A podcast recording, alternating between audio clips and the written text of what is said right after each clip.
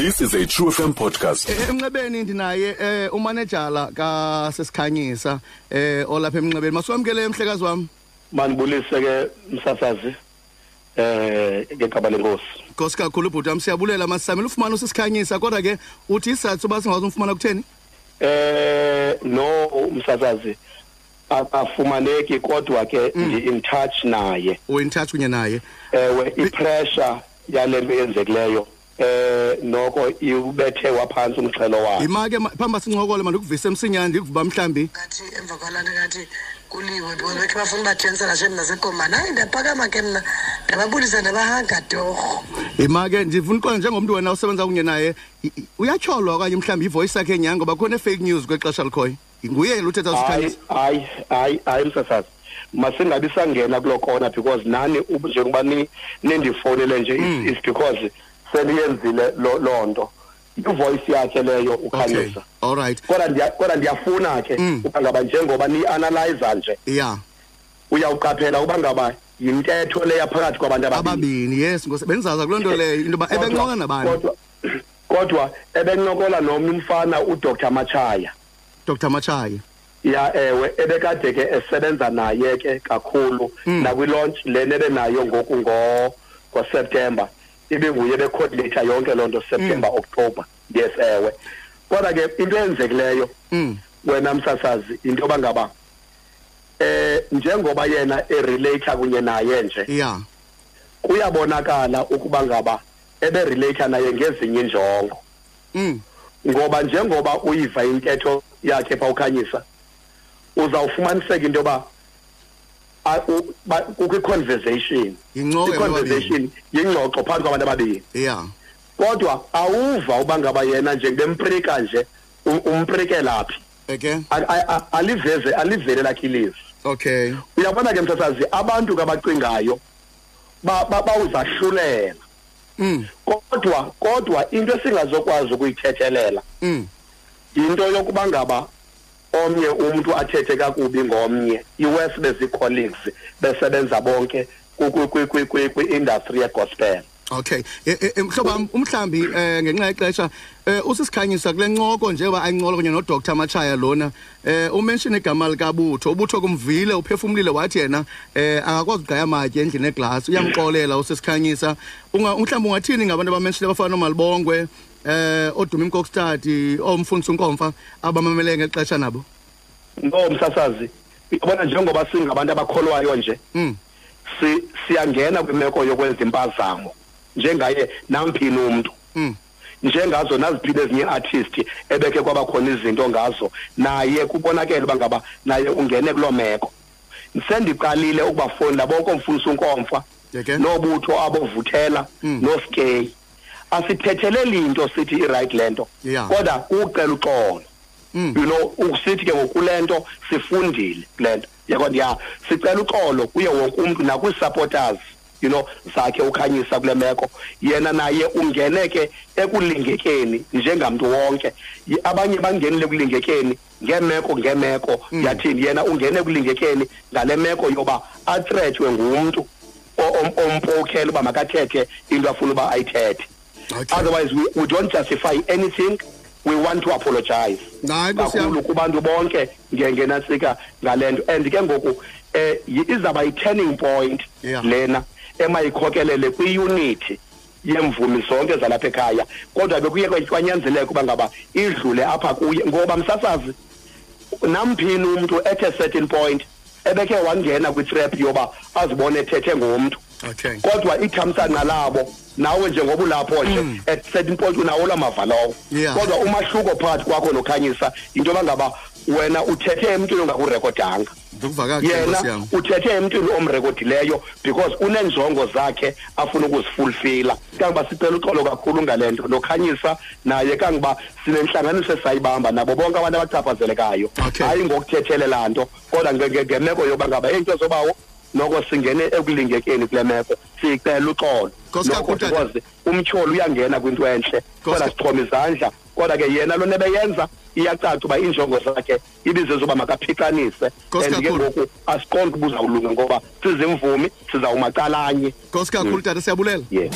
ngenxebeni ndinaye eh, umfundisi wam ureverend komfa masikubulise mfundisi wam Molo msasazi. Ninjani namhlanje? Ngenxa kaYesu andivanto kunjani kuwe? kuhle kuhle mfundisi wam siyavuya uba kunye nawe namhlanje eh u- ukwayima- ukwayifumana wena mhlawumbi le olushicilelo le le- le audio besidlala Ndifumene kakhulu umsasazi ngakumbi izolo ebusuku. U- u- uthe nxa uyivayo uyiva kumenshini wento zithethwayo u- kwenzeke ntoni kuwe Ndihleke ndalala. Uthe- eh Ndihleke ndalala. eh Ndihlekeni kwam ndavuya. eke Into endivuyisileyo inye. Kukwazi indlela uThixo operate ngayo. eke Xa uThixo ezayo kuhlambulula uqala kutyhile akuhlazise ebantwini ukuze akuhlambulule ube stronger than before uba ulinyamezele uhlambululo lukaThixo. Eh manditso ngeliphandle ndithi udade wethu uhlaselwe yinto ehlasela abantu bonke ayingoqaliwe lo. Ndisatsho ndinjalo uba uhlaselwe yinto ehlasela abantu bonke. Ndibona uThixo mna ezohlambulula igospel industry not ukhanyisa as a person yedwa kodwa uthixo wenza ngamabomu mamakasibhenqe ezizweni ukuba senza ezi zinto phambi kwakhe umntu sithetha kakuhle emva kwakhe sithetha olunye ulwimi mm I- i- Isanje ngoqala ofonele ukhanyisa namhlanje ndimofarisa uthando lwam ndisithi kuye dadwethu ebelila ukuthetha kwam naye efowunini Mm. ndathi kuye dadwethu indlela esikhula ngayo kuthixo le yomelela uthathe umkhonto wakho kodwa ufunde kwesi senzo i- emfundisi uthe nxa utheni yena nxepheni layo sisikhanyise nxa umfowunelayo wena ilizwi lakhe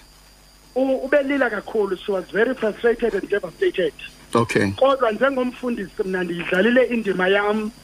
yokuthetha naye ukumbonisa into yoba awunawuthi ngenxeni yesi senzo umke eluzukwe lukathixo koko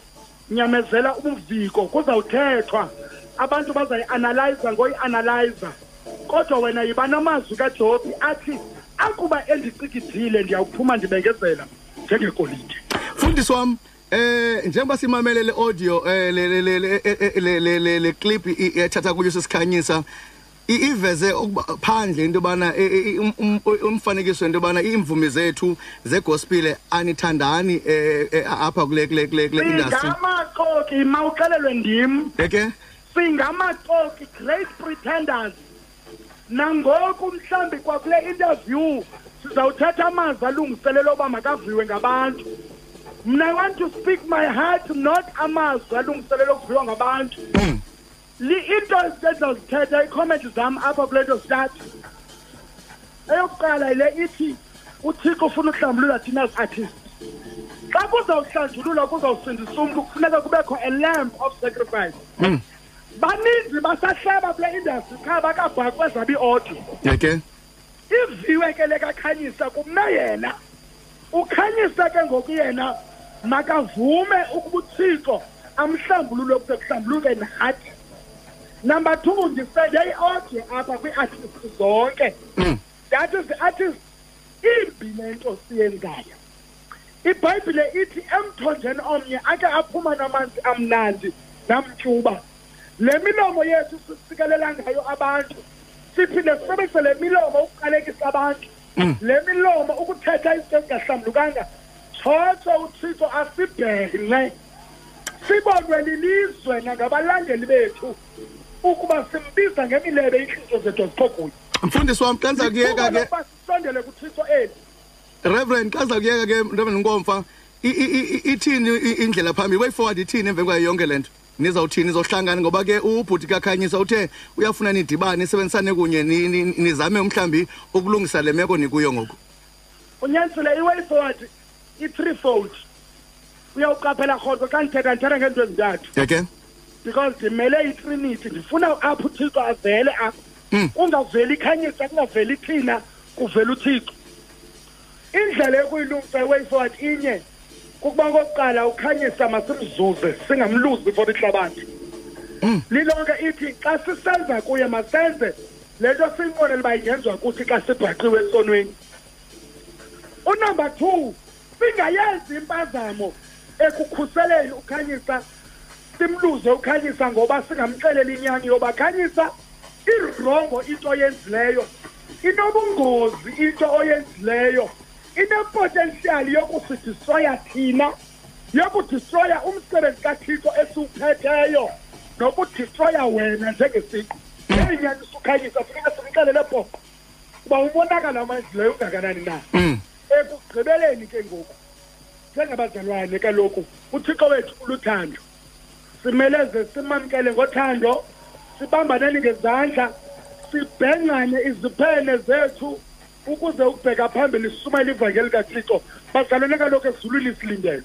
asipheleli apha eyethu indaba iphelele emazulwini ndikuve kakhulu Enko- enko- enkosi kakhulu reverend komfa Si- si- si- siyabulela kakhulu ngamazwi akho tata inkosi kakhulu Nkosi. Find us online on truefm.co.za.